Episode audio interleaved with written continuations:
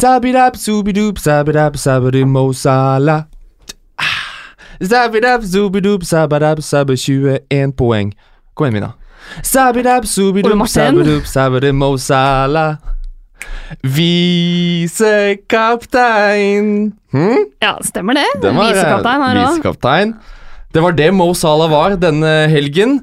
Så eh, hvis du var en av de som hadde Mohammed Salah som eh, visekaptein, eller kaptein, eller du hadde den ikke på laget i det hele tatt, du skal uansett være hjertelig velkommen til TV2 Fantasy. Ny episode, det er midten av desember, det er eh, full baluba. Ehm, skal vi se her eh, Så langt kom jeg i introduksjonen min. Nå datt jeg ut allerede. Fordi ehm, det har vært litt sånn misforståelser sånn internt i redaksjonen. Så egentlig så skulle Simen eh, vært der. Simen Stamse Møller. Men eh, det koster å være B-lagsmann. Da flyr han rundt. Men vi sitter ikke her alene, Mina.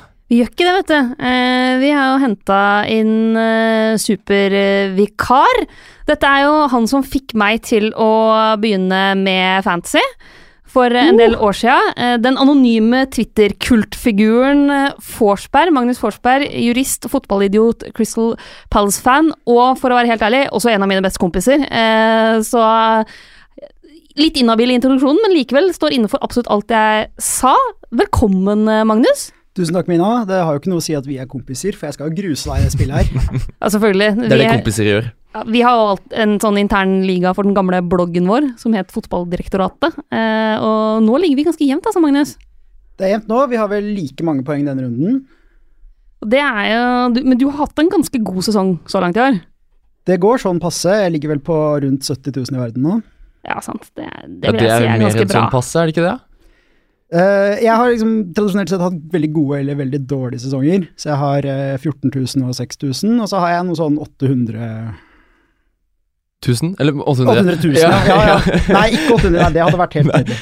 Fordi det er, jo, det er jo kjent det at det er mye, det er mye gode nordmenn i dette fantasy-spillet vårt. Så, eh, men da har du spilt et par år, da? Regner jeg med. Har spilt et par år. Og det, det med nordmenn er helt sykt. Jeg hadde, jeg hadde den beste gameweeken jeg noen gang har hatt, første gameweek denne sesongen. Mm. Da var jeg på 2000.-plass etter første gameweek, og da var det sånn 500 i Norge. Ja, Som var foran deg. Så, eh, men er du en romantiker, eh, Magnus, eller er du en analytiker? Jeg er en analytiker eh, første Ja, halvdel av sesongen, og så er, er jeg, jurist, så så er jeg en paniker. Ja, hva legger du i det? At uh, jeg alltid skal være litt for lur uh, når jeg prøver å ta meg inn igjen. Du vet den der typiske 'å, nå må jeg ha en diff fordi uh, Mm. nå ligger jeg bak'. Mm. Det passer jo veldig veldig bra, fordi vi har fått inn et spørsmål vi, jeg, jeg slenger inn spørsmål allerede. Um, det er em, Vi fikk det på Instagrammen vår eh, her, og det kommer fra Nå har jeg ikke skrevet opp det navnet. Gi meg to sekunder. Øh, det er Ruben, var det. Ruben Eikebø, som vil at vi skal snakke litt om villedende hype angående spillere. Eh, og for altså, villedende hype, så regner jeg med at han mener liksom Ok, du har en spiller som hypes veldig, det snakkes veldig mye om. Og for de av oss som da er panikere, Magnus, så hiver man seg da fort på sånne tog som tøffer av gårde. Eh, ref. Antony Marcial, for eksempel, siste måneden. Hvordan kan man kjenne igjen en begrunnet eller en ubegrunnet hype? Ja, Hvis han heter Theo Walcott, så er han ubegrunnet. Ja. Det er huskeregel nummer én. Jeg går i den fella hvert år. Ross Barkley, Mina, er det en ubegrunnet, eller? Og Ross Barkley er jo en av mine sånne hypetroll, eh, Ja. som alltid ser så innmari bra ut i et par kamper, så jeg lar meg lure, og så bare slukner det totalt idet jeg tar den inn på laget. Mm. For Ruben også lurer på hvor lur er egentlig den gjennomsnittlige fantasy-spilleren? Og Hvis man da trekker det tilbake i Norge, så er det ganske mange lure folk. Ja, det må man, altså nordmenn gjør det veldig, veldig bra, men jeg tenker litt av det å prøve å finne ut av, er jo hva er en spiller som er på vei inn i god form, og hva er en spiller som har hatt et par heldige kamper og fått veldig god uttelling. Eh, men Magnus, er du sånn som hiver deg på, på måte, de formspillerne med en gang, eller er du mer sånn som holder deg til de gode, gamle traverne? Ja, det spørs jo litt på omstendighetene, da, men jeg heiv meg på Ross Barkley sånn som du gjorde. Og det var jo også litt sånn Jeg hadde seks millioner, og Mm. det er ikke så mye du kan gjøre med det. Og så i etterpåklokskapens lys så er det litt sånn Ja, men han var jo aldri over midtstreken, og likevel skåret han to mål. Kanskje Ja. det ikke er sånn som vedvarer eh, Mm. over lang tid. Så jeg tror det som funker, er å se mye fotball. Og liksom da kan du se Har dette flaks? Kanskje litt sånn som, som uh, Aubameyang's sist i Torreira nå Mm. her om dagen. Som, altså, det der skjer jo ikke hver uke. Du kan ikke vente deg det. Nei. Nei, fordi det, er, det handler om å, å, å se det. Og så tenker jeg altså forventninger. Hvis Sånn som Ross Barkley, han kosta slik og ingenting, lå på 5,7-5,8 eller hva det var. Ok, og så hiver du han inn to-tre kamper. Det er ikke så Det kan du ta sjansen på, Uh, uten at det blir en hype. Så uh, Men det er vel ingen hype at nå som vi går inn i jula, så må man ha spillere som spiller, sånn som vi trodde Harry Kane gjorde. Og Kristian um, Eriksen. Christian Eriksen og um, Sala i midtuka som var. Fordi nå har det jo vært Det har jo vært to runder siden vi satt her sist, eh, Mina. Uh, så vi må liksom dra, dra med oss den midtukerunden også, når vi skal oppsummere litt uh, siden uh, sist. Jeg kan jo bare starte med å si at den midtukerunden, altså runde 15, det er, det er mitt mørkeste punkt. Da var du sur. Da var jeg fly, fly forbanna. Da hadde jeg en gameweek rank, altså den plasseringen jeg hadde i runden, var 5,5 millioner. Uff. Av 5,9 spillere. Hvor mye poeng fikk Millioner du? spillere. Jeg fikk 27 poeng i den midtukerunden. Jeg hadde Dele Alli som kaptein. Han var selvfølgelig benka. Ehm, og eh, ja, jeg hadde, jeg hadde nada. Jeg hadde ikke ett eneste målpoeng. Jeg hadde Sala, som fikk den assisten når han kom inn og var benka, og Liverpool så ut som Altså, det var ikke til å kjenne igjen det Liverpool-laget hadde i midtukerunda. Fabianski mål. Det var det jeg hadde. Uh, og det var liksom Jeg følte ok, men det er flere som har en dårlig runde. Nei da. Average den runden der var jo 45 poeng. Så jeg raste nedover på, um, på rankingen. Um, men så løsner det nå denne runden, da. Da er jeg oppe på 80 poeng, plutselig. Og får igjen på en måte for at Dele Alli Jeg satte inn Dele Alli istedenfor Christian Eriksen. Ja, jeg skulle selvfølgelig satt inn Hong Min Son, hvem skulle ikke det? Um, også med Aubameyang som kaptein, da. Ikke Salah. Visekaptein. Mohammed Salah, selvfølgelig. Så um, det er opp og ned. Det er det, det er det som er poenget mitt her. Det er en vanvittig berg-og-dal-bane. Du kan komme fra en superrunde, og så kan du havne rett ned i grøfta på 0, niks uten å egentlig gjøre noen ting. Så eh, hva kan man lære av det, da, Mina? Nei, det Vi må lære av det her. Altså, jeg, jeg hadde en helt gjennomsnittsrunde i runde 15. 46 poeng. Eh, det er ett poeng over snittet. Og så tok jeg 70 poeng den runden her, eh, med, med også da Salah som visekaptein og, og Lacassette som kaptein. Det er litt bittert. Eh, men det jeg tenker er kjempelurt nå framover i juleprogrammet, er at man er nødt til å ha en spillende benk. Det, det er ikke lenger sånn at du kan ha de billigste spillerne som aldri er med i det hele tatt, så fordi at det kommer til å bli eh, spillere som hviles. Nå er det siste Champions League-runde denne uka her, eh, så da får man på en måte den ut av veien. Men kampene kommer så tett at en del også av de faste starterne og store stjernene kommer til å bli hvilt, og da kommer i hvert fall jeg til å legge litt mer penger i benken enn det jeg har gjort tidligere. Hva med deg, Magnus? Jeg, jeg tror jo at, uh, at det fins forskjellige typer felter å gå i, da. Og at det er mindre farlig å gå i en sånn Aubameyang som kaptein denne runden fordi det var så vanlig. Mm. Fantasy handler mye om det å gjøre den riktige tingen, ikke bare én runde, men i 38 runder. Så jeg tror egentlig det er riktig valg, du bare fikk ikke uttelling denne gangen. Mm. Det er det mye flaks inne i bildet? Det er i hvert fall noe flaks inne i bildet. Jeg vet at jeg har en kompis som glemte å gjøre noe, og derfor hadde Salah som kaptein. Mm. Og da Det må jo være lov å kalle Ja. det flaks. Ja, ja, selvfølgelig må det være lov å kalle det flaks. Det er utur, og det er tur. Det er sånn det er. Sånn som eh, jeg som har Luka Dinning, da. Ja. Som rapper det frisparket. Han står der altså Richarlison vil ta det, Sigurdsson vil ta det, eh, men eh, Ding bare tenker nei, jeg har vært på frisparktrening med Lionel Messi, eh, så dette frisparket på overtid skal jeg ta. Mm. Og får da plutselig altså lå, Før han det an til ett poeng, og går ut av runden med ti poeng. Så der har jo jeg flaks, som får med meg den skåringa. Ja, det var jo ikke bare du som ikke så for deg det. Richarlison sto og rista på hodet. dette, dette går ikke. Dette går. Og så bare går han unna og sa nei, ok, vi får se, da. Men du hadde, hadde en god runde du også eh, i helgen, eh, Magnus? Hadde du ikke det? Jeg hadde 70 poeng, Ja samme som Mina. Um, litt uh, uttur der. Jeg tok inn Wilson, da. Det var jo ikke det beste byttet, men Arnautomic Arnautovic måtte jo ut. Mm. Men jeg hadde Sala 21, Aubameyang 10 som kaptein, Filippe Andersson fikk 12, Mm. Doverty og Richarlison, da. Så Ja. det, det trekker seg opp. Det trekker seg opp. Um, det var jo det du også prøvde på, Mina, inn mot eh, helga, med de byttene du skulle gjøre. Men det klarte du ikke. Det var verdensrekord i dårlige bytter. Altså, det var så øh, utrolig dårlig. Eh, Jeg skal jo ikke klage. Jeg var, jeg var veldig sur på lørdagen eh, og sendte noen veldig sinna eh, meldinger til Ole Martin. Og hadde egentlig tenkt å komme her og være grinchen, men når jeg ender på 70 poeng, så kan jeg på en måte ikke klage for mye. Men det da Jeg ville ha Det er i hvert fall en- veldig grinchen, hvis du Ja, klager over ja. det. Nei, planen min var, var i løpet av de to rundene her eh, å ta to hits totalt for å få inn Harry Kane eh, og for å få inn en Arsenal-spiss. Så planen min var egentlig at jeg denne runden her skulle ta ut Mohammed Salah og Isak Suksess for Harry Kane og f.eks. Frazier. Um, men det jeg da sto i før helga, var å enten sette inn Altså ta ut uh, Arnatovic og Edna Zard eh, og Alonso, og da få inn enten Aubameyang og Hongminson eller Lacassette og Leroy Sané. Og så da bare nedgradere Alonso noe voldsomt. Jeg landa jo selvfølgelig på Lacassette og Leroy Sané, Ja da. eh, som, eh, koselig, med, med Lacassette som, som kaptein. Eh, så det ble jo totalt fire poeng på de to, eh, mens Hazard fikk eh, to assists. Eh, Mm. Og hvis jeg isteden hadde gått for Hong og Aubameyang, så ville det jo sett langt bedre ut, må man jo kunne si. Ja. Men sånn er det. Noen sånne skyttergraver går man i. Eh, du tok altså hits, og Tor Martin Osvald Veldig fint eh, navn, for det heter også min far. Eh, han er veldig spent på hvor mange hits hver av oss her i studio har tatt så langt denne sesongen. Og du tok hits nå, Mina. Mhm. Så eh, hadde vi jo denne, dette veddemålet med P3 Seia Fotball, Tete Tete og Sven. Der tok vi et hit. Ja, men det Utenom teller jeg det, ikke med. Eh, altså Totalt så har jeg tatt tre hits, den, altså minus tolv totalt, da, eh, så langt den sesongen. I tillegg til det påtvungne hitet da Heia Fotball styrte lagene våre. Mm. Men det har stort sett vært skaderelatert. Ja. Er du en big hitter, eh, Magnus? Eh, ikke når det går bra. Nei.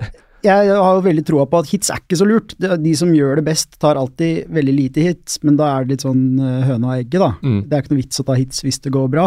At Noen ganger så må du rydde opp i laget, men du tjener jo ikke på for minuspoeng. Så for det meste. Nei. Det skal veldig, veldig mye til. Um, for eksempel, ja, de som hitta ut Sala denne runden her. Skulle likt å sett hvem de fikk inn for å klare å holde à jour med, med de poengene han plukka. Ehm, jeg er egentlig litt sånn litt glad i hits, jeg. Jeg syns det kan være litt gøy. Det kan være Du hitter mye på slutten av sesongen. Jeg hitter veldig mye på slutten av sesongen, Fordi da, da har det rakna.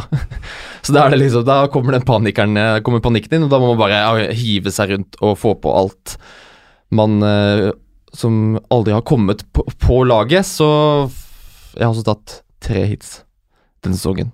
Men rådet er jo, hvis du skal ta hits, så med mindre det er sånn at du har fem skada og Mm. suspenderte spillere, så du ikke kan stille en elver uten å hitte, så er mitt råd og hvis du skal hit, ta hits, gjør det som en del av en litt mer langsiktig plan. Ikke bare sånn 'jeg har så innmari lyst til å ha Harry Kane akkurat denne runden her', men som en sånn 'jeg er nødt til å få han inn før han stiger i pris', og 'jeg vil ha han i de neste fem-ti kampene', Mm. eh, fordi han kommer til å gjøre det bedre enn de andre da. Mm. Så ha en litt sånn, litt mer langsiktig enn én eller to runder fram i tid. Og så er ikke alle hits eh, like verdifulle heller. Jeg tror at Hvis du skal ta hits, så prøv å spare opp to bytter, ta tre bytter med et hit, stokke om litt på laget ditt. Ikke Mm. gjøre et sånt sidelengs bytte, en som koster sju til en annen som koster sju. Det er mye vanskeligere å tjene på det enn på det å faktisk omrokere laget sitt så Ja. det blir bedre. Ja. Omdisponere litt. Jeg tok jo hit denne runden, jeg også. Da var det jo Arnautovic og Shane Duffy ut. Og da satte jeg inn Mitrovic og Kolasinac, som eh, var eh, med når Arsenal slo Huddersfield i helga. Det ble bare 1-0. Det som var spennende å se der, var jo at eh, Aubameyang og Lacassette starta sammen. Men så blir Lacassette tatt av til pause. Og igjen så er det Det er to store hester som rir inn i solnedgangen, og så bytter de på å dra Aubameyang og Lacassette. Det er fortsatt vanskelig å klare å hekte seg på hvilken hest er det som går lengst her. Ehm, tenker vi det at Lacassette blir tatt av til pause der, Magnus, tenker vi det at da er Aubameyang et klart førstevalg? Nei, jeg, jeg tror egentlig ikke det. Jeg tror eh, det blir såpass mye rullering eh, på de formasjonene at det er vanskelig å si. Men jeg tror jo Mayang er et førstevalg fordi han scorer mer. Mm. Ja, det er jo han man vil ha, og så sitter jeg her og er dum med Lacassette. Men jeg tar jo ikke ut igjen Lacassette med en gang nå. Det er for de som Altså, kan man ba, er det, det er jo helt idiotisk å bare bytte frem og tilbake. Ja, det vil jeg påstå. Jeg Da tror- jager du poeng, som Ja. man ofte sier. Ja. Ja. Uh, og så er jo dette en kamp hvor, hvor Arsenal er overraskende lite målfarlige. Mm. Eh, Vi så litt på det i stad. Altså de har, hvis du ser på kampstatistikken fra runden, så har Arsenal to skudd på mål. Og, og begge de er det Torreira som står for. Så det er klart det er jo en kamp hvor ja, Arsenal har hatt store sjanser, men de har likevel hatt veldig, veldig få skudd som har gått på målet, da. Ja, for den luker jo ut den der enorme Altså den tap-in som Aubameyang setter fra fem meter, som sitter utenfor. Lacassette som kanskje, kanskje ikke var Og offside sklir. eh, og sklir der og Ja. sånne ting. Så, eh, men apropos Torreira, da. Som er et navn jeg ikke må si så veldig ofte, for at det skal bli helt eh, vondt i øra deres. Kristoffer Westerlund Carlsen lurer på om han Jeg kaller han bare Lukas. Eh, er han offensiv nok til å være i laget? For han har jo vist at han kan score. Er du frista, Magnus? Jeg er ikke frista, men det handler om hvordan midtbanen min ser ut nå. Jeg tror at hvis du har slengt deg på en av de Brooks eller Diangana eller de spillerne som er i det sjiktet, Mm. og som leverer like mye eller mindre, så tror jeg Torreira er et minst like godt valg som dem. Mm. For hvordan ser midtbanen ut, da? Nå har For du har ingen i den klassen, regner jeg med. Det er Nei. egentlig det du sier. Jeg sitter jo med Høibjerg som liksom enabler, da, og det er jeg ikke så fornøyd med. Men så har jeg Sterling, Filippe Andersson, Sala og Richarlison. Ja. Og da blir det veldig vanskelig å finne ut Ok, Torreira ser frisk ut, han, men hva skal man ta ut? Mm. Eh, og for Du er litt frista, Mina. Ja, jeg er litt frista av Torreira, men da som en erstatter for Kajal inn i juleprogrammet nå. Det å ha en femte midtbanespiller som ja, er litt dyrere enn type Høibjerg, Gunnarsson, den gjengen der, men som jeg har litt mer tro på at kan levere. Han kommer til å spille mye for Arsenal, og han har jo tatt litt corner og sånn i det siste, så det kan Ja. bli litt målpoeng på det. Um, Ja, fordi jeg trodde at sånn som Emery setter opp den midtbanen, så er det uh, da Lucas Torreira og Sjaka som er de to sentrale. Og det er ganske tydelig at Torreira skal være den derre pitbullen på midten. Og at det er Sjaka som er den kreative spilleren der. Men sånn har det ikke sett ut nå. Og Torreira har fått beskjed om å være litt mer offensiv, da, har han sagt sjøl. Men ok, hvis man tar inn Torreira Er ikke dette et klassisk Kanté-felle, da? Hvis man tar inn Torreira, så skal man jo ikke forvente mål annenhver runde, på en måte. Så man må gå inn i det med åpne øyne og tenke at da får man inn en billig midtbanespiller som kanskje kan gi deg litt ekstra poeng innimellom, Mm. men ikke være den som drar lasset på midtbanen di, tenker jeg. Nei. Men jeg tenker hvis du skal ha han som en femte midt, og særlig i eh, juleprogrammet hvor du faktisk må bruke benken din, så Mm. er det større sjanse for at han kommer av banen med litt ekstra enn mange andre. Så i det prissjiktet så er det han jeg syns ser mest interessant ut nå.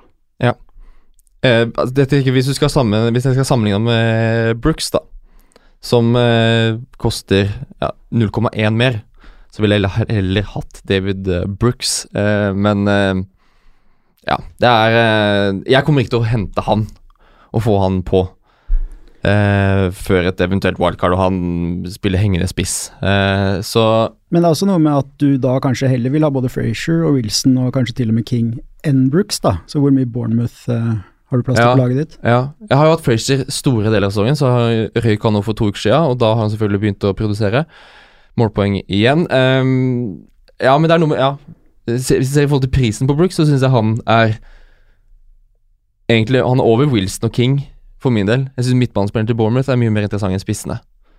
Det er der verdien ligger, sånn som jeg ser det. Nei, det ligger en del verdi i Callum Wilson nå, da. Eh, det må vi jo kunne si.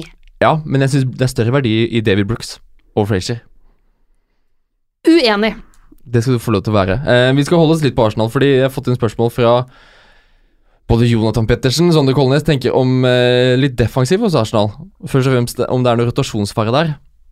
Nå er det jo både Er det Mustafi og Sokratis suspendert til helga. Eh, hvordan den forsvarsrekka der kommer til å se ut, det er ikke godt å si. Eh, jeg satte jo inn Kolasinac til den helgen. Eh, tenkte ja, Monreal er straks tilbake, her kan det bli rotert.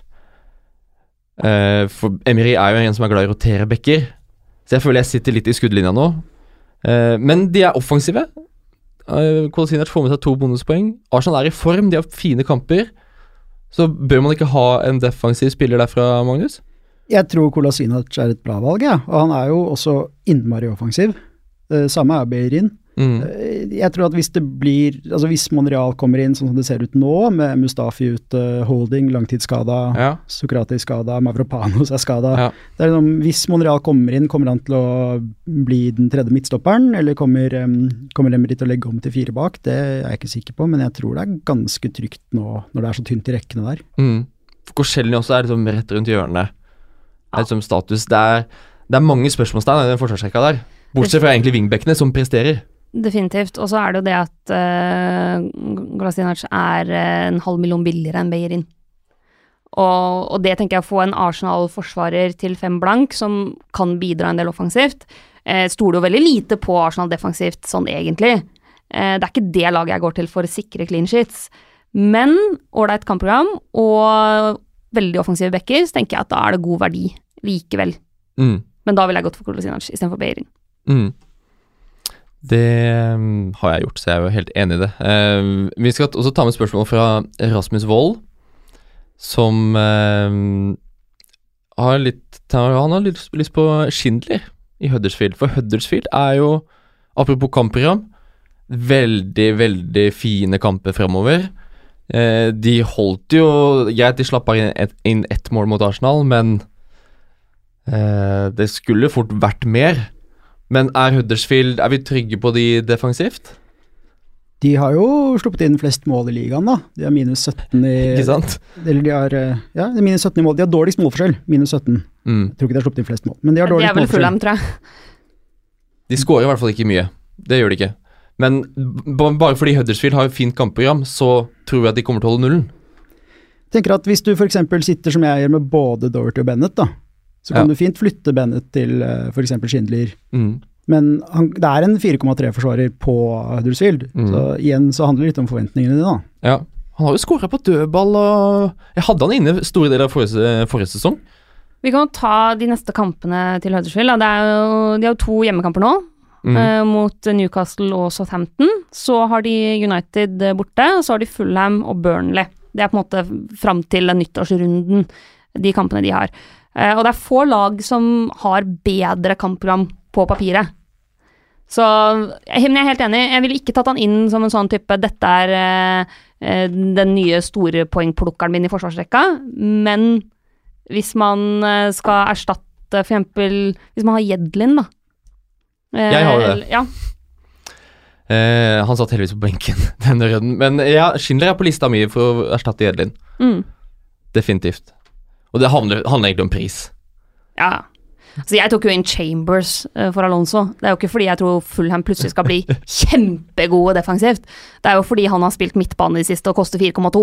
Men du tror de kommer til å bli bedre defensivt? Ja, jeg tror, jeg tror de kommer til å bli bedre under Ranieri og kan få litt clinches innimellom. Men det er jo han, Nå spilte han jo ikke i helga, da, men det var en sånn bitte liten eh, knock. Mm. Men, men han, jeg tror han kommer til å spille mye, og han er såpass billig. Han er litt som uh, ja, Van Bissaka på starten av sesongen. Ja, for, det, dette, for oss er dette et veldig ledende spørsmål, Magnus. Men uh, Van Bissaka sammenlignet med Schindler Åh, ehm, ja, nå ser, det, nå ser det mørkt ut hos Palace, altså. Jeg tror jeg ville faktisk gått for Schindler nå. Men de fleste som har Van Bissaka, had, har jo hatt han hele sesongen til Mm. fire, og jeg ser ingen grunn til å selge han. Nei. Du trenger noen der, og du trenger de pengene. Ja. Du trenger noen i livet ditt, som Van Bissaka. Du er jo Palace-fan, eh, Magnus, og du har jo lite ekstra forkjærlighet for Bisken. Ja, vi er jo veldig glad i de spillerne som har kommet opp gjennom klubben, Sa og Van Bissaka spesielt. Mm. Og det er utrolig kult å se, se at uh, Joel Ward var jo den spilleren som hadde suverent flest kamper for klubben både altså i Premier League-æraen vi har vært i Mm. nå. da. Og, og det å se at det kommer en 18-19-20-åring opp og, og tar den plassen eh, og gjør den til sin egen, er jo innmari kult. Og Mm. han er også veldig god. Men Palace som helhet ser ikke så bra ut nå, og nå har de også noen skader og suspensjoner, så jeg vet ikke om jeg ville satsa på at det er der du skal få clean sheets framover. Nei. Ja, for de slapp inn tre nå mot Westham. Um, Palace eh, kan vi på en måte hold, Vi bare holder oss unna det. Det er ikke så mye å hente derfra. Det er mye mer hente fra Westham. Ja, la Van Bissaka stå, ikke kjøp eh, Palace-folk nå, Det er veldig rådet. For det er det Jan Erik Rugelsen lurer på. Westham har et bra kampprogram framover, men hvem skal man ha derfra? Anatovic er ute av miksen. Eh, han var, har jeg vært skeptisk til i to-tre uker nå. Eh, og jeg, jeg, vil ikke si at jeg traff på den skepsisen, Fordi det at han ble skada, det, har liksom, det har ingenting eh, så mye med saken å gjøre. Men det er jo sånn lærdom jeg tenker at når du ser en spiller som han som hangler og er småskada hver eneste uke, da kommer det en sånn smell. Ja. Det skal fryktelig mye til for at han kan gå sånn over eh, en lengre periode. Eh, men Chicharito kom jo inn der på topp, da. Den lille erten var plutselig en stor ert foran mål og fikk med seg både assist og scoring. Var det han man skulle henta inn, da? På topp der? Ja, nå har jo Lucas Perez fått en liten smell i foten òg, mm. så jeg tenker at Chicharito Han kommer jo til å spille, og de har et veldig fint kampprogram. Så hvis du ser etter en av de der billige spissene, kanskje du vil ha ut Wilson eller du vil bytte Arnatovic fordi han er ute en stund. Så jeg tror det er et godt valg. De skårer masse mål. Ja, og, og jeg syns jo har man råd til Filippe Andersson, så er det helt topp. Eh, jeg tror han kommer til å fortsette å prestere ganske bra. Eh, jeg har trua på han, jeg. Ja. Har han jo sjøl og er godt fornøyd med det. Eh, men eh, vi har også fått spørsmål om f.eks. fra Sven Erik Vagstad, Chicharito eventuelt Snodgrass In. Ja, for han syns jeg er minst like spennende. Ja, der er du i det der billige sjiktet igjen. Eh, Men jeg er gnien, da. Det er kanskje derfor. Jeg tenker bare på pris. Han koster 5,3, så han er 0,1 dyrere, dyrere enn f.eks. Brooks, da. Eh, og jeg har sett litt på, hvis vi ser de siste fem kampene, Mm. og så kan du sammenligne sånn som Snodgrass til 5,3 med, med Richarlison, Felipe Andersson, Frazier og, og Preira, da, som er spillere i litt samme prissjiktet. Eh, så er det jo sånn at eh, han Altså, Snodgrass leverer først og fremst gode tall på, på attempted assists. Eh, det er der du har mest å hente. Han har 16 på de siste fem kampene. Den nærmeste da er, eh, er Frazier med 12. Men sånn som Richard, Felipe Andersson har åtte. Eh, Preira har fire. Og Richarlison har tre.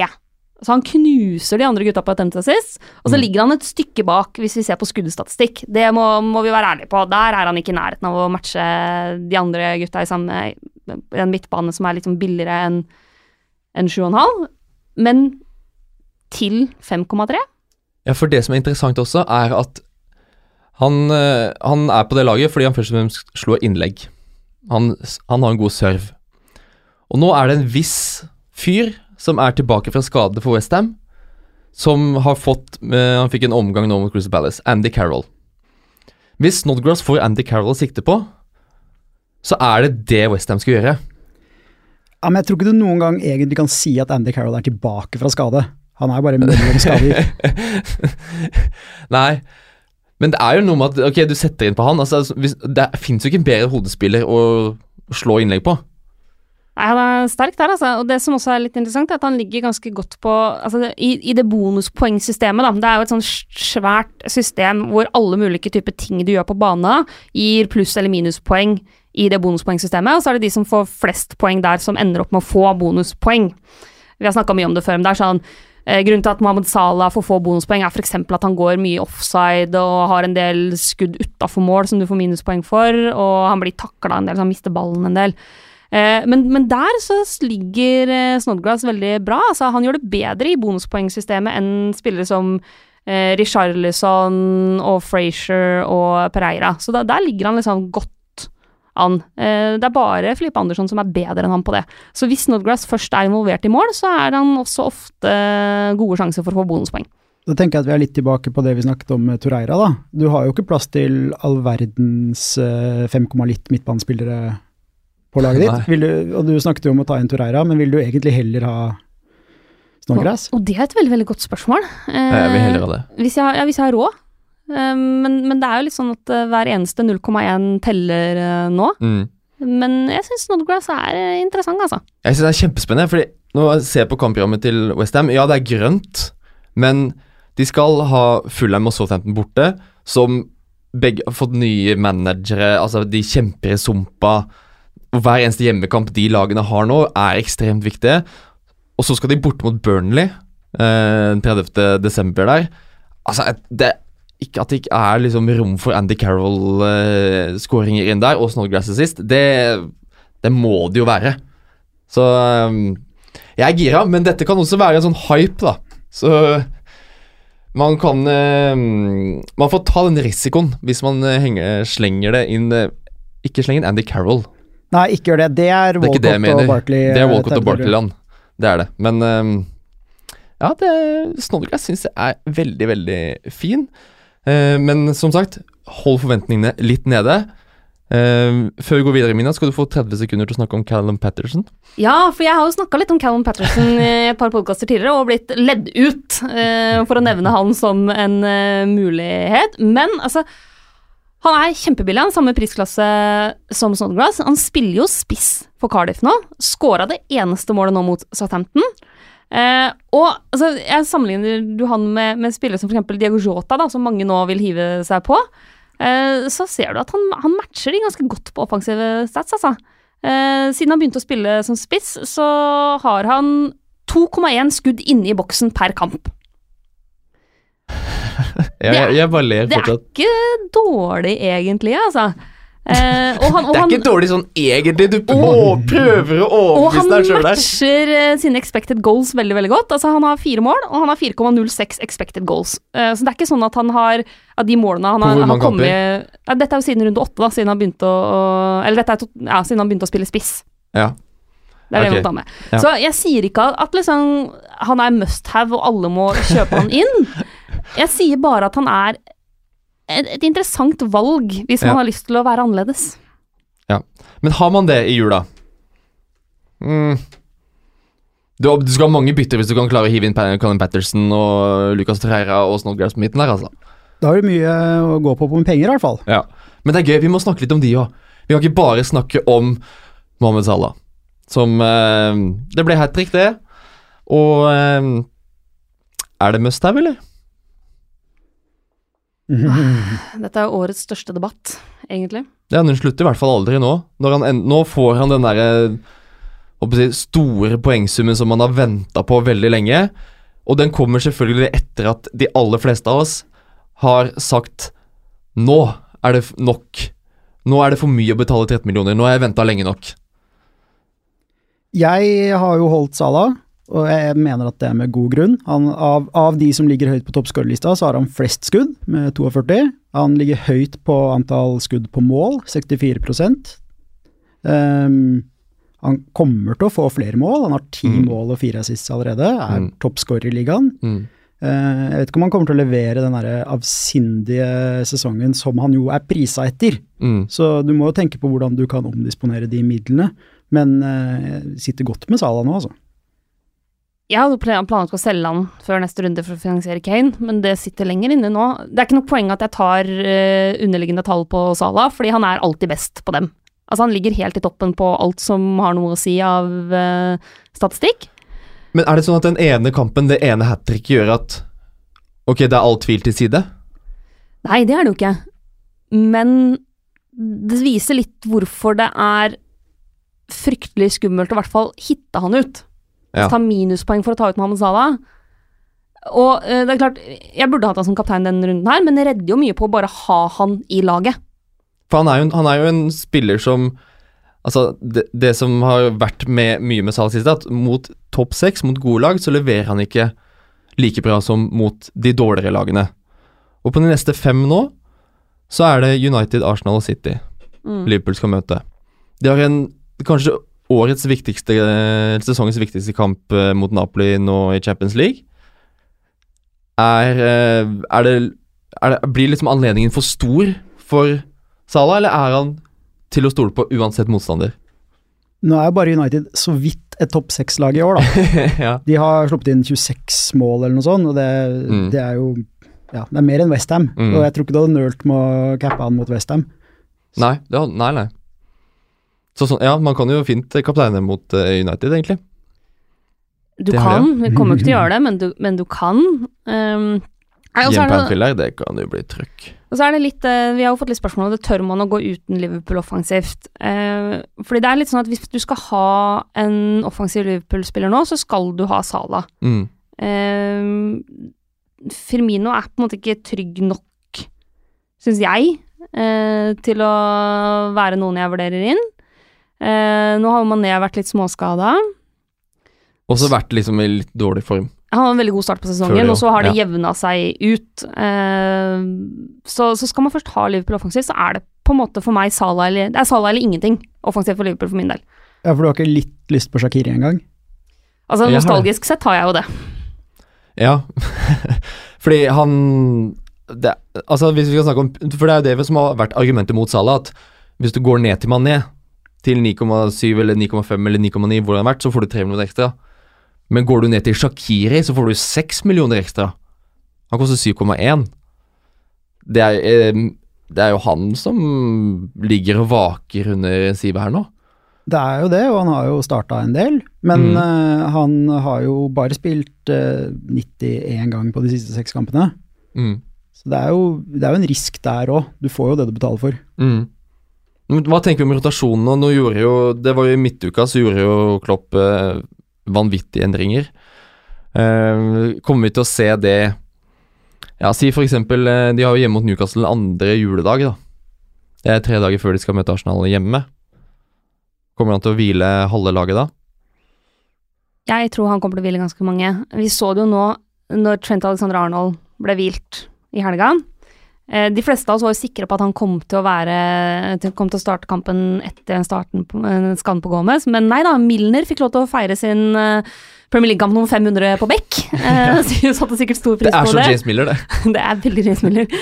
Um, så, så du vet liksom aldri. Um, samtidig så er jo Klopp veldig tydelig på at han har stort på Sala hele sesongen, og han har liksom ikke tenkt at den manglende mål, de manglende målene har vært, eh, hatt noe å si, fordi Salah har spilt bra hele veien. Så jeg tror vi må forvente en del rotasjon, og jeg tror det er så godt som umulig å spå når den kommer. Mm. Men jeg tror også at det gjelder nesten uansett hvilket lag du er inne og snuser på. Hvis, med mindre du ser på et lag som Crystal Palace som har en fryktelig tynn stall, så kommer det til å komme rotasjon. og Da må du vurdere om du skal la være å ha toppskåreren i ligaen, main man, på laget som leder Premier League, Mm. bare fordi han kan bli hvilt i en kamp. Mm. Til og med Jimenez blei jo hvilt for Wolverhampton Ja. i helga. Ja, du, må jo, du må jo gå for van Dijk, da. Han blir jo ikke, han blir jo ikke vilt. Nei, Han skårer ikke så mye mål heller, da. Nei, men han, han spiller i hvert fall, og han plukker med seg clean shits, og Salah Mestav, skal vi bare si ja? Jeg tror det, men uansett, ikke, ingen må gjøre noen bytter før eh, Champions League-kampene er unnagjort. Fordi veldig veldig mange av oss tenker at hvis man skal selge Salah, så er det for å finansiere sannsynligvis Tottenham-spillere inn, hvis man ikke har det allerede. Og da må du vente til Tottenham har spilt mot Barcelona. Ja. Og når du selger Salah, så får du en svær haug med penger du kan leke med, og ikke selg ham hvis du ikke har en plan for de pengene. Nei. Gode, gode råd eh, der. Eh, Liverpool skal møte, som sagt, Napoli Champions League, så er det Liverpool-Manchester United til helga. Og eh, det er vel nesten så man kan begynne å snakke om en must-have i Manchester United. Nei, det er ikke Anthony Martial. Det er det definitivt ikke. Men Marcus Rashford, han er heit. Han er veldig heit om dagen. Og eh, Torkil, han lurer Han sier bare 'Rashford!' Utropstegn. Ser ut som han begynner å finne formen. United har et fint kampprogram. Men er han trygg i laget, da? Han er så trygg i laget som noen er med Mourinho, tror jeg. Ja. Han leverer, og han er fristende til eh, 6,8 millioner. Men for fire-fem uker siden så så jo Martial ut som han var bankers i det Mm. laget, leverte hver uke, og plutselig så blir man uvenner og noe går gærent. Mm. Så jeg tror eh, du må, du må sitte med en liten Du må være litt forberedt på skuffelse. Mm. Og så slår det meg litt at Mourinho, hvordan han håndterer den troppen nå, med eh, Pogba eh, litt sånn her og der, eh, ikke noe kontinuitet i spilletid, eller hva slags forhold han egentlig har til Pogba. Eh, så har jo greit Alexis Sanchez vært mye skada, men han har jo vært altså frosne iskald. Det er noe med at nå, de store navnene, de er ikke så store lenger. Nei, og så er det uansett sånn at nå, nå møter de Liverpool til helga. ehm, og Liverpool slipper inn veldig, veldig få mål hjemme på Anfield. Eh, så jeg ville i hvert fall ikke stressa med å ta inn Rashford før den kampen. Etter det så er det jo Cardiff, Huddersfield, Bournemouth og Newcastle. Og da kan man jo begynne å, å, å tenke at han kanskje kan være et alternativ. Eh, hvis det viser seg at Callum Wilson er langtidsskada, eksempel, eh, og man trenger å ta inn noen der. Men jeg vil i hvert fall sette han etter den runden her. Eh, og så er dette et United-lag det er fryktelig vanskelig å bli klok på. Mm. Det er veldig veldig vanskelig å si hvor man skal eventuelt satse på det. Altså, vi, vi vet jo at vi skal ikke stole på United defensivt, der er det for mye skader. Eh, de slipper jo inn også mot Fulham. Eh, på midtbana så veit du aldri om Pogba starter eller ikke, f.eks. Eh, nå er Juan Mata inne og scorer, men du vet heller aldri helt om han kommer til å starte. Så jeg syns det er fryktelig vanskelig å anbefale noen på United. Men jeg syns vi skal nevne at det er en ganske stor oppside der. Eh, det vi ser nesten hver sesong, er at fordi det er så utrolig mange United-fans i verden, og så mange av dem spiller Mm. Fantasy, så Mm. hvis Rashford nå leverer litt i det gode kampprogrammet, så kan du tjene mye både poeng og penger på det. For det er så Mm. mange som vil ha inn United-spillere. Mm. Ja, sånn har ikke jeg tenkt på det før. Det var, eh, det var veldig lurt. Det er derfor du er jurist, og ikke jeg. Uh, ja, Rash, ja. Jeg, jeg skal legge han på lista mi, tenker jeg. Eh, men det er ikke bare han eh, som kommer på lista etter den uh, Fulham-kampen de hadde nå i helga, som Aksel Ulseth påpeker, at uh, Kamara i Fulham Han ser veldig sterk ut de siste to kampene han har spilt, og ja, han ser fryktelig sterk ut. Han må løfte noe vanvittig i benk. Eh, er det liten ny Ranieri-favoritt eh, der, eller? Det hadde jo vært ålreit om det slo til, da. Men, men for meg så er det nok fortsatt Mitrovic som er mest interessant. Mm. Ja, eller kanskje Sjurle Ja. For han koster jo 4,3, Kamara. Eh, jeg hadde han inn i starten av sesongen. Han var på mitt første eh, lag til første runde. Eh, så starter han ikke nå mot United, da. Men han har jo to skåringer. Han skårer to kamper på rad nå. Så eh, både han, Chambers Det er noen sånne fine jokere man kan eh, titte, titte litt ekstra på. Nå har de fint kampprogram da, fram til eh, nyttårsrunden, hvor de har Arsenal borte. De har tre, tre hjemmekamper, altså Westham, så Newcastle borte, så har de Wolverhampton og Huddersfield hjemme. Men jeg mener fortsatt at hovedrådet for juleprogrammet er at de spillerne du skal ta inn og ha på benk, bør være spillere du er rimelig sikker på at starter. Ja. Og det, der faller Kamara utafor. Ja, han er veldig godt prisa, Mm. men hvor ofte kommer du til å ville starte han? Mm. Eh, og hvis han skal inn fra benk, hvor trygg er du på at han faktisk spiller liksom mer enn 30 minutter? Det er jo noen da, som deg, Mina, i hvert fall nylig, som sitter med f.eks. suksess. Ja. Da tror jeg det kan være minst like fint å ha han. Det er sant. Ja. Ja. Jeg liker suksess, jeg. Jeg vil, jeg vil heller Jeg har jo suksess sjøl, da, og så har jeg Mitrovic ved siden av. Så for meg så er det, skal det veldig mye til å hive inn Kamara der. Det er fordi jeg har allerede tatt inn Mitrovic, men uh, suksess uh, Hvis vi ser på minutter han har spilt kontra Kamara, så syns jeg han ser minst like fin ut. Og Watford det er et kult lag, ass. Det er et vanvittig kult lag.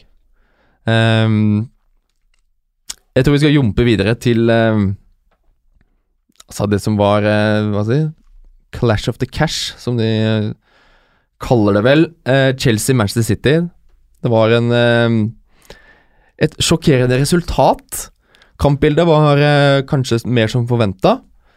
men en god Kanté er blitt toppskårer nå, plutselig. Bare, han, Morata og Giroud er- det, det, Vi trenger ikke spiss, vi har en god lokanté Det er sånn Sarri tenker. For både Chelsea og City spilte mot, uten spiss, da. Stirling og Hazard var spisser. Er det noe som vil vare?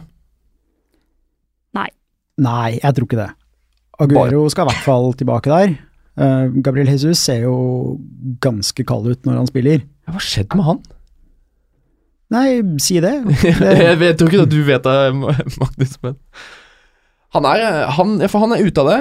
Eh, for det er noe med disse, top dogs på midten som eh, plutselig skal spille spisser. Det var et taktisk grep, da.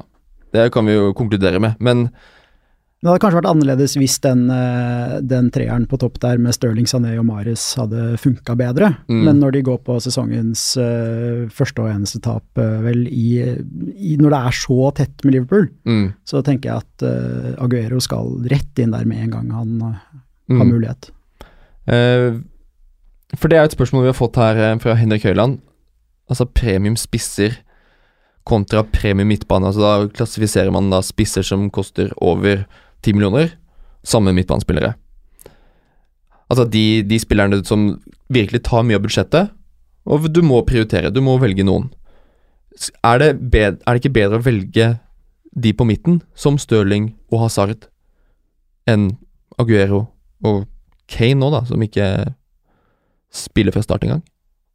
Jo, det har vært det, i hvert fall. Det er tre midtbanespillere med mer enn 100 poeng. Er Ingen spisser, Mm, selv om Aubameyang er nærmest. mm, Og, og så har vi jo også en, en sesong hvor eh, de billige spissene leverer ganske jevnt. Wilson leverer ganske jevnt, Jimenez leverer jevnt, eh, Mitrovic leverer jevnt. Så jeg tror du skal fokusere på kanoner på midtbanen. mm.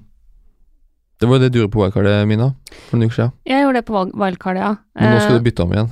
Ja, nei, altså, jeg, åh, jeg, jeg syns det er fryktelig, fryktelig tungt å gå uten Tottenham offensivt.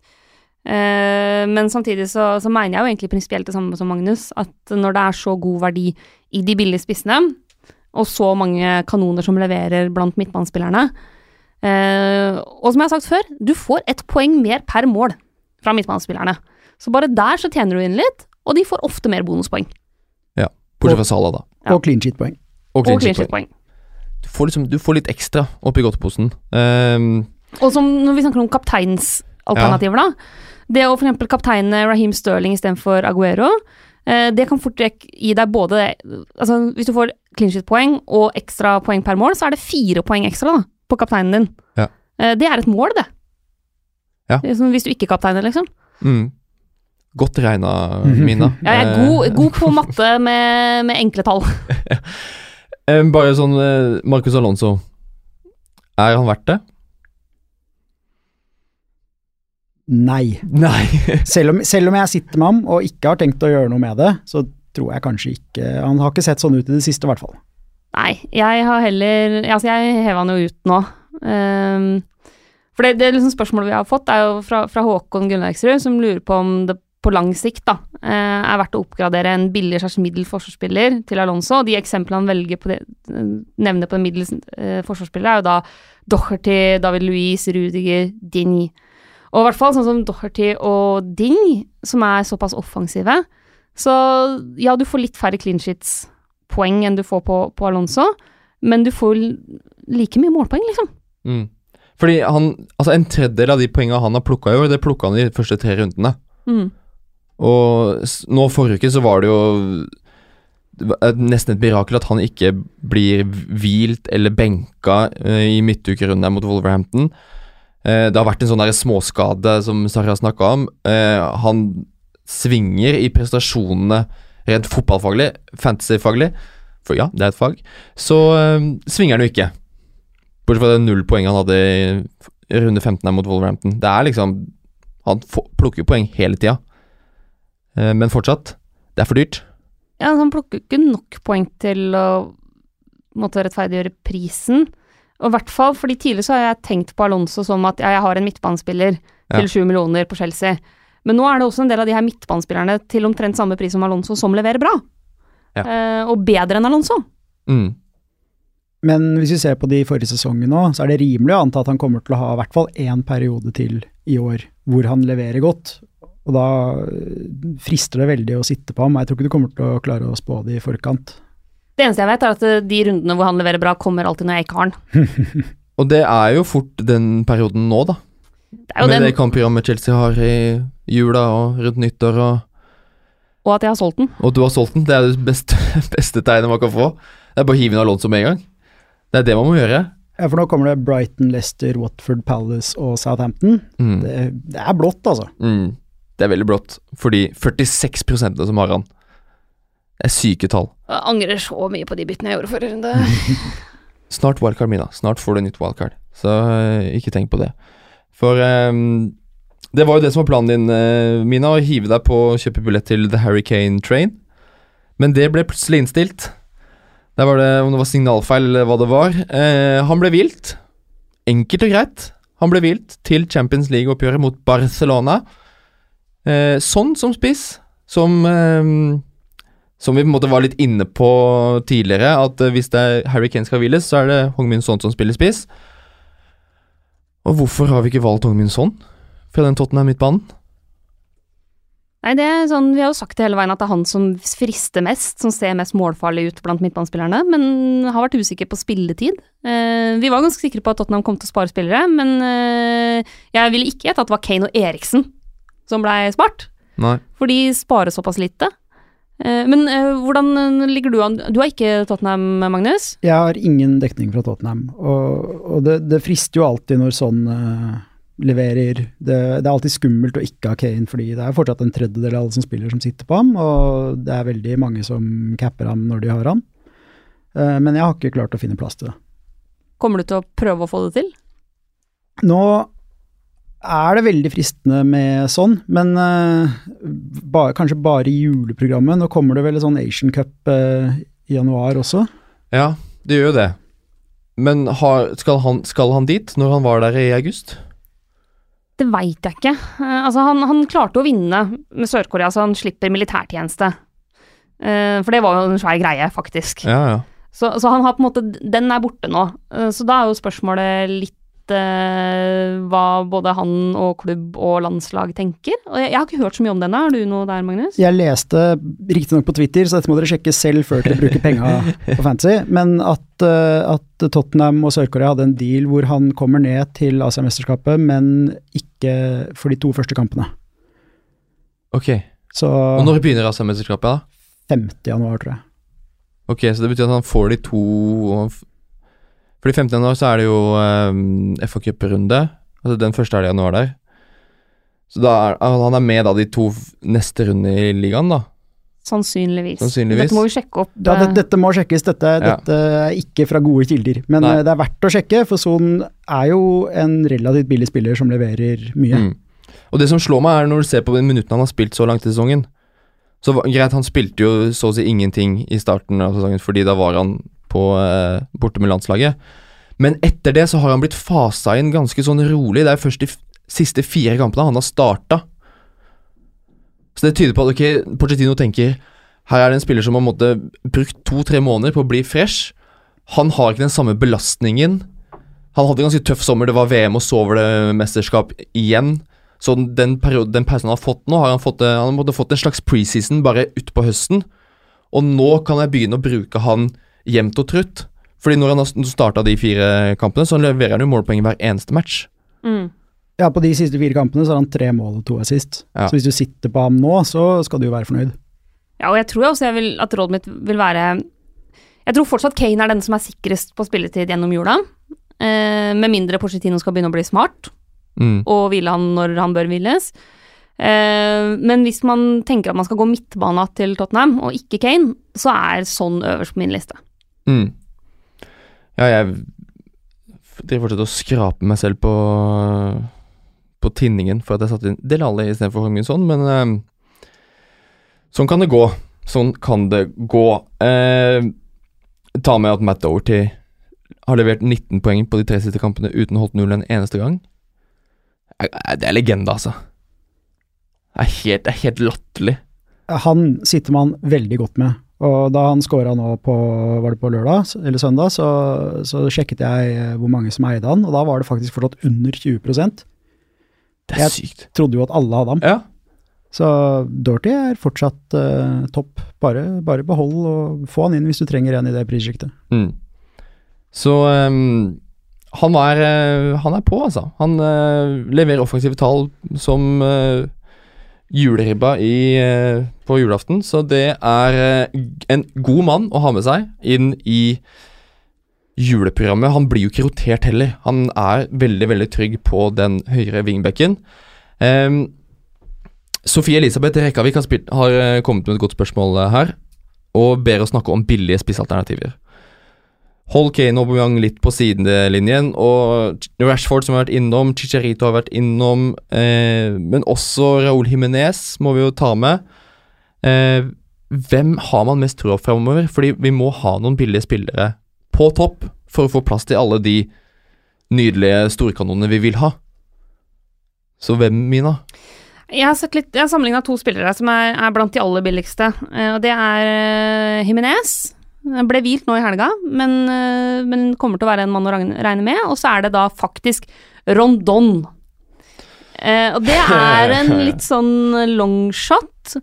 Eh, men hvis vi ser på Rondon, typ eh, de siste seks kampene, da, altså fra runde ti, da har de spilt omtrent like mye.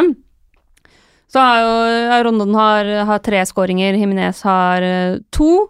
Eh, Jimenez har tre assist eh, mot Rondons ene nå på søndagen. Eh, men de, de ligger altså helt likt på, på shots on target. Åtte, begge to. Mm. Eh, Rondon er bitte litt foran på totale avslutninger. Eh, de er nesten helt likt på skudd i boksen. 17 mot 18. Men så er selvfølgelig Jimenez langt foran på attempted assists. Der leverer Ronon ganske lite. Men, men begge snitter på rundt fire skudd per kamp. Det er ikke så gærent i den prisklassen der. Eh, og, nest, og 2,8 og 3,0 av dem er inne i boksen. Så det er ofte ganske liksom, de, de kommer seg til ganske store sjanser, ganske nærme mål. Så er det Min konklusjon er litt at altså Ja, Rondon skyter bitte litt mer enn Jimenez. Eh, Jimenez er mye mer truende til å plukke med seg assister og ikke bare mål. Og så er det da spørsmålet Wolverhampton er bedre lag enn Newcastle. Eh, det, Ja. det tenker jeg ikke Yes. er en veldig stor brannfakkel. Eh, og Wolverhampton kommer nok til å skåre flere mål enn Newcastle framover.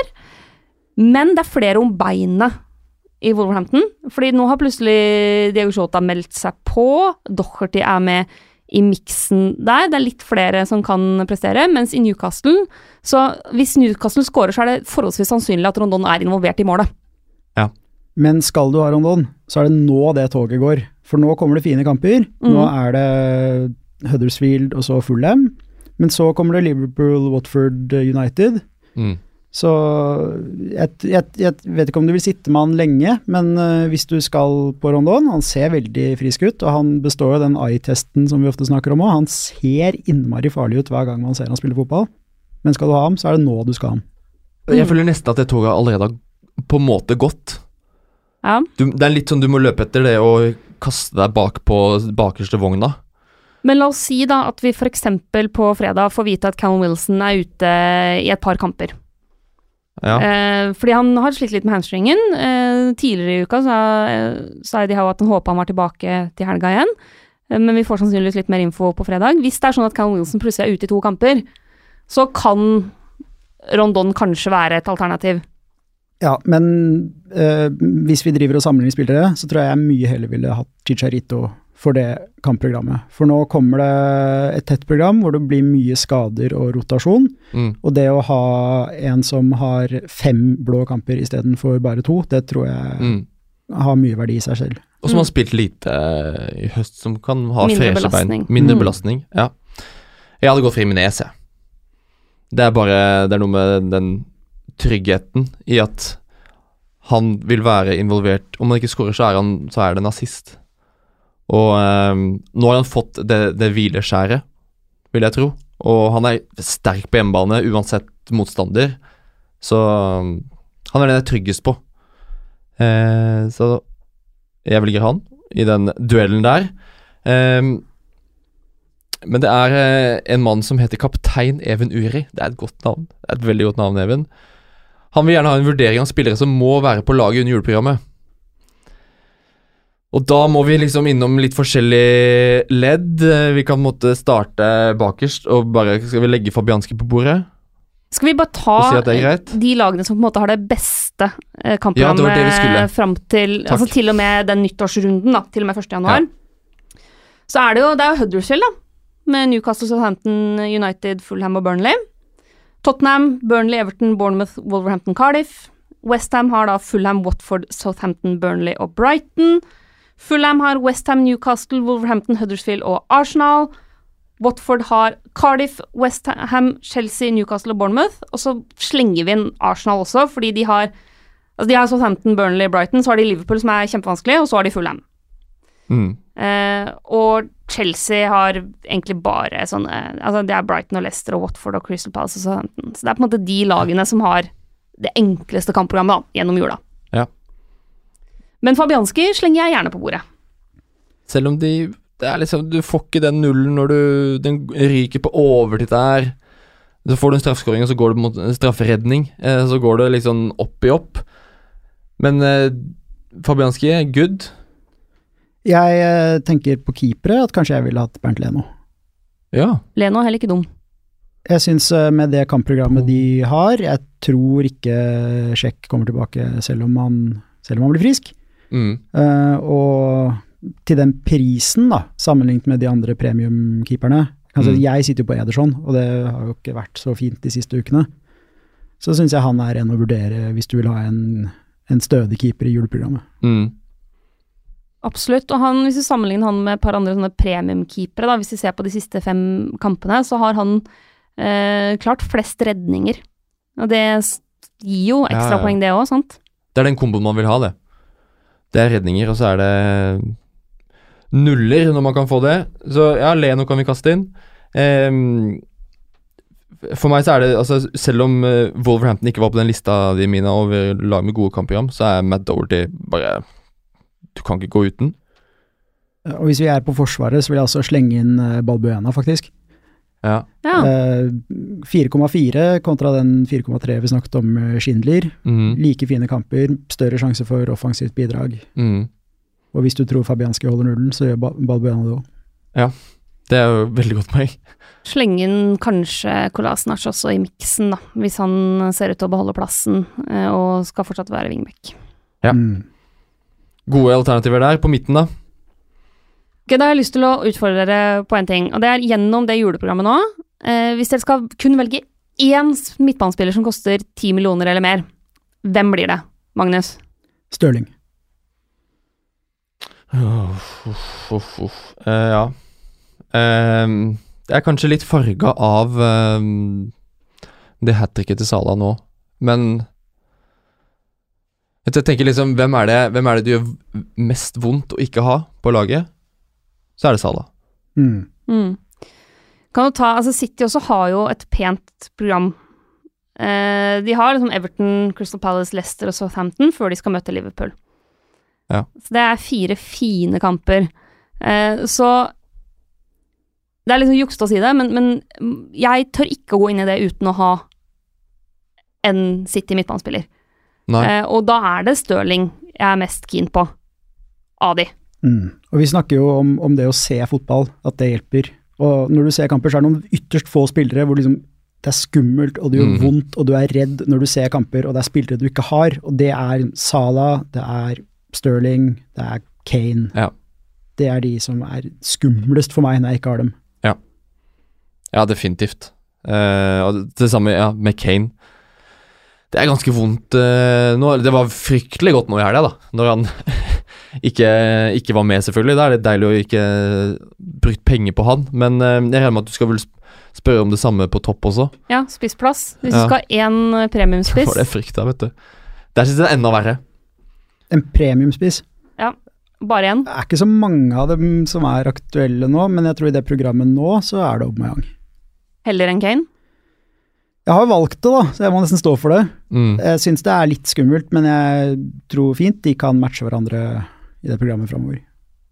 Ja, jeg har også valgt Aubameyang, og føler jo at det var begrunna med at eh, jeg tror han, han er bedre målscorer, faktisk. Selv om Kane, det er alltid det som har vært forsen hans. Å være giftig foran mål og score. Men eh, sånn som Aubameyang ser ut, sånn som Arsenal ser ut, så syns jeg det var mye verre å gå uten han. Mm. Selv om ja, Tottenham har et kjempefint program. Um, men Arsenal har overbevist meg mer denne høsten. og Aubameyang har overbevist meg mer. Fra å være på en måte bare sånn Man snakker nesten ikke om han i september-oktober, og så bare er han toppskårer. Uten at noen har fått det med seg. Men det så er utrolig skummelt denne runden her, da. Når Kane har fått hvilt litt, hjemmekamp mot Burnley. ja. Vi får se litt hva som skjer, skjer i Champions League òg, da. Ja. Det er jo fordelen eh, nå, er jo at for de som sitter med Aubameyang, er at han kommer aldri i veien til å spille den Europaligakampen. Mm. Mm. Mens, Ja, det også. mens eh, Kane og Salah og liksom, de gutta der, de kommer garantert til å spille Champions League i tøffe, tøffe kamper. Ja, men nå, nå kommer det på en måte ikke noen flere Champions League etter denne uka her, da. Nei, så man må se de kampene her, og se litt an eh, altså kampbelastning på spillerne der. Ja. eh, og eventuelle småskader og greier. For jeg tror at hvis- hvis liksom Kane eller Salah eller noen av de gutta får en sånn liten småskade som er sånn de kan spille til helga, så er det likevel stor fare for at man da er litt føre var fordi man ikke tåler skader inn i det juleprogrammet. Mm. Mm. Vil vi kaste inn noen uh, litt rimeligere varianter på eh, spillere som må være med på laget under juleprogrammet? Man må ha Westham offensivt, tror jeg. Så Da sier du Filip Andersson, da? Jeg sier Filip Andersson, jeg. Ja, der tok du orda rett ut av munnen min. Det, det syns jeg er et veldig godt valg. Han er fin. Han er veldig fin. Eh, Richarlison også er eh, Han er god i fotball. Han er veldig, veldig god til den prisen. Det er, han er underprisa. Sånn som den rollen han har fått nå i Everton.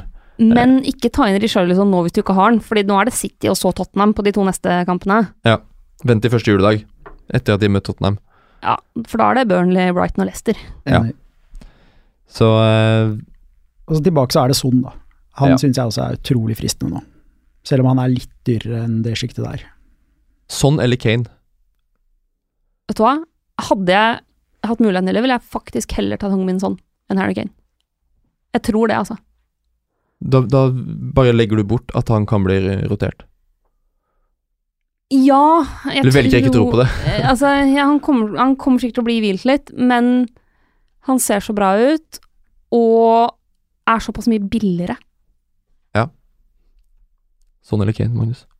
Sånn, men mye fordi vi nå har snakket om hvor, eh, hvor viktig det er med Ja. Og Salah. Ja. Og de to og Kane, det blir veldig vanskelig. Ja, fordi Hvis man tenker på kapteinsvalg her Hvis du har Stirling, Salah, Kane Og så klarer du på en eller annen måte da si at du klarer å få inn Aubameyang der og Da kan du jo bare lagre det laget der, og så trenger du egentlig ikke å titte på det i løpet av jula. Ja, Nesten. Ja, ja, nei, ja, jeg er ikke helt enig i det, altså.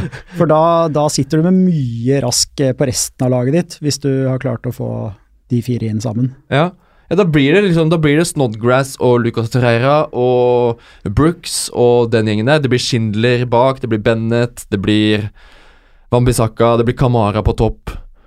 Det kan jo, det kan jo gå. Eller er, går man, er, det, for- er det for voldsomt i forhold til det vi snakket om tidligere, at man må ha benken? Man må ha folk på benk. Jeg ville Spre det utover. prioritert å spre litt mer, altså. Ok.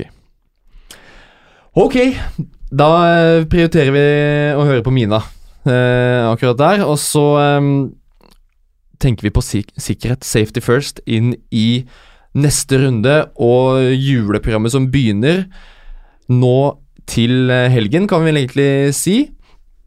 Før vi liksom snakker om hva vi skal gjøre sjøl og hvilke bytter vi skal gjøre, så tenkte jeg bare å informere litt om eh, skadenyheter etter helgen.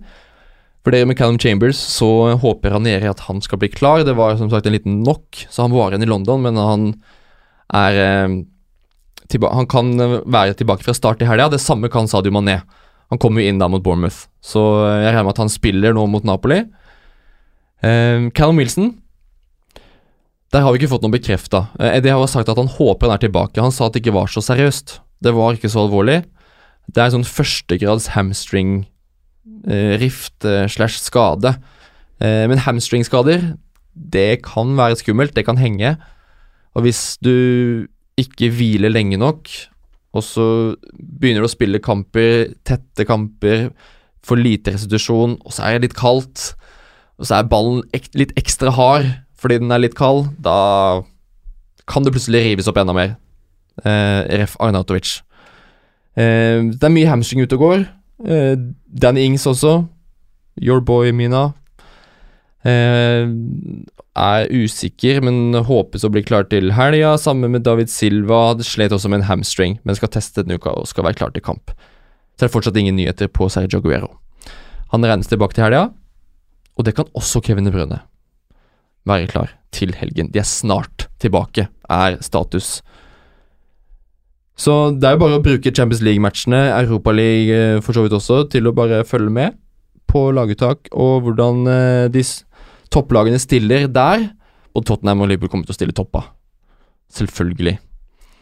Eh, men sånn som Enas Hard spiller jo ikke nå. Eh, heller ikke Aubameyang spiller ikke Europaliga til uka. Men helga, da, dere. Er det noen eh, Hvor lyser det av kapteinsemner? Hvilke matcher er det som blinker seg ut, eh, Magnus? Min kaptein nå står faktisk fortsatt på Aubameyang. Der har de en, eh, de har en fin kamp. Han eh, kommer ikke til å spille i Europa, som Mina sier. Og, og Southampton, ja, selv med Hasenhutel, eller hva han heter inne, så det er jo ikke patent bakover. Nei. De er virkelig ikke patente bakover. Um, Aubameyang er heit. Harry Kane er jo gloheit. Ja, Harry Kane er en åpenbar uh, kapteinskandidat. Kapteinsbåndet mitt akkurat nå står på Raheem Stirling. Uh, det er litt fordi jeg uh, var så sinna på søndag på all rasismen mot Stirling. at jeg gikk inn på fancy-laget mitt og bare rett inn. Klink! Stirling kaptein. det er my er guy, lag, liksom. Um, Det er fint. det er fint. og, men også litt fordi jeg tror City kommer til å, å slå noe så voldsomt tilbake mot stakkars Everton etter å ha gått på sesongens første tap mot Chelsea. Mm. Men Marco Silva som har klart å stenge for Chelsea og Liverpool Men ikke for Watford. Men Nei, ikke for, ikke for Watford, men et ganske lignende kampbilde. Bortekamp mot et topp, eh, topp topplag. Så kan Everton gjøre det litt tungt for City. De kan det, men jeg tror eh, Mina er inne på noe der med at uh, Pep skal ikke ha to på rad, altså. Det, Nei. Nei, det skal han ikke. Da blir det dårlig stemning. I garderoben til Guardiola. At da Hadde jeg kunnet velge fritt, så hadde jeg valgt um, Harry Kane. Um, men det må liksom se an litt det laguttaket som både mm, Tottenham og City kommer med, nå i Champions League. Er det noen der som blir eh, kanskje vilt eh, Eller ikke vilt, men hvis eh, Guardiola velger å rotere litt, da hvis Stirling ikke spiller i Champions League, så er, er nok kapteinspinnet ditt på han. Um, men sånn også, altså. Det frister noe voldsomt. Og Tottenham med den hjemmematchen der, det kan bli trøkk. Eh, hvilke bytter har dere sett dere ut til å gjøre til eh, helgen, da? nå hadde jeg et håp om å spare det byttet, Mm. og ha to. Eh, men hvis Wilson ikke er eh, klar, så tror jeg det å sitte her og prate med dere har gjort at jeg har veldig lyst på Rondon som en, eh, en kortsiktig variant. Oi, oi, oi. Ja, det er gøy med en liten sånn der eh, Bare en liten joker i to-tre kamper. Det er gøy, det. Du fikk overtalt han til Rondon min, da. Ah, Var det, var det meninga? Eh, nei, det var totalt uforskyldt. Men det Eh, er jo en klassisk tabbe, da. Jeg tror alle har gjort det der flere ganger, hvor Ja. man gjør et bytte som man veit at man må ta ut igjen seinere, og du, du setter deg opp for problemer hvis det blir skader eller mer rotasjon enn du hadde tenkt. Mm. Definitivt. Eh, Jeg hadde jo, som jeg sa tidligere, egentlig planlagt å eh, ta minus fire og selge Sala og suksess for å få inn Kane og en eller annen litt billig midtbanespiller. Eh, Det er ikke like fristende nå, så jeg må vurdere. Kanskje jeg ender opp med å bare spare byttet og tåle å gå en runde til uten Tottenham, for så å kunne gjøre to bytter neste gang. Mm. Jeg følger litt sånn med på den skadesituasjonen til um, Trippier og Aurier. Uh, Foreløpig er det ikke sett, eh, kommet noen sånn bekrefta dato på når de er tilbake, eller om det bare er en uke, eller om det er fire uker. Fordi da kan plutselig denne Kyle Walker Peters eh, være en liten, fin mann inn i programmet til Tottenham. Eh, for jeg sitter jo med Jedlin, som ble utvist, så der må jeg gjøre et eller annet. Eh, det skal mye til for at jeg holder det byttet. Det kan hende at jeg gjør det, fordi han har jo bare én match, eh, og ta med meg to bytter inn i jula. For, når du først har to bytter, så er det veldig lett å bare holde det gående. Mm. Og Det er en god, eh, god taktikk, eh, tenker jeg. Hvis, med mindre det kniper noe fryktelig, prøv å spare det byttet nå inn mot jula. Så kan, har du ekstremt mye mer fleksibilitet inn. Så mm, jeg skal følge litt med på Carl Walker Peters. Eh, Jeg kommer ikke til å sette inn han, altså. Det tror jeg ikke jeg gjør. Du vet aldri, da. Plutselig så mister jeg det helt. Og så får jeg en ny runde med 30 poeng, sikkert, til eh, helga. Yes. Da var lista mi eh, på bånn Yes. over ting jeg tenkte vi skulle snakke om. Eh, Vi, det ble en veldig fin prat, dette. Tusen takk, Magnus, for at du kunne stille opp. Det Ja. var supert. Takk for at jeg fikk komme. Dette var helt nydelig, Magnus. En ære og en glede å ha deg her. Også, Den eneste av oss som er verifisert på Twitter. Ja. Så eh, vi hyller deg for det, og ønsker deg en riktig god uke videre. Lykke til med runden. Lykke til med runden. Lykke til med runden, alle dere der ute. Lykke til med runden, Mina. Takk. Lykke til. Vi snakkes. Ha det.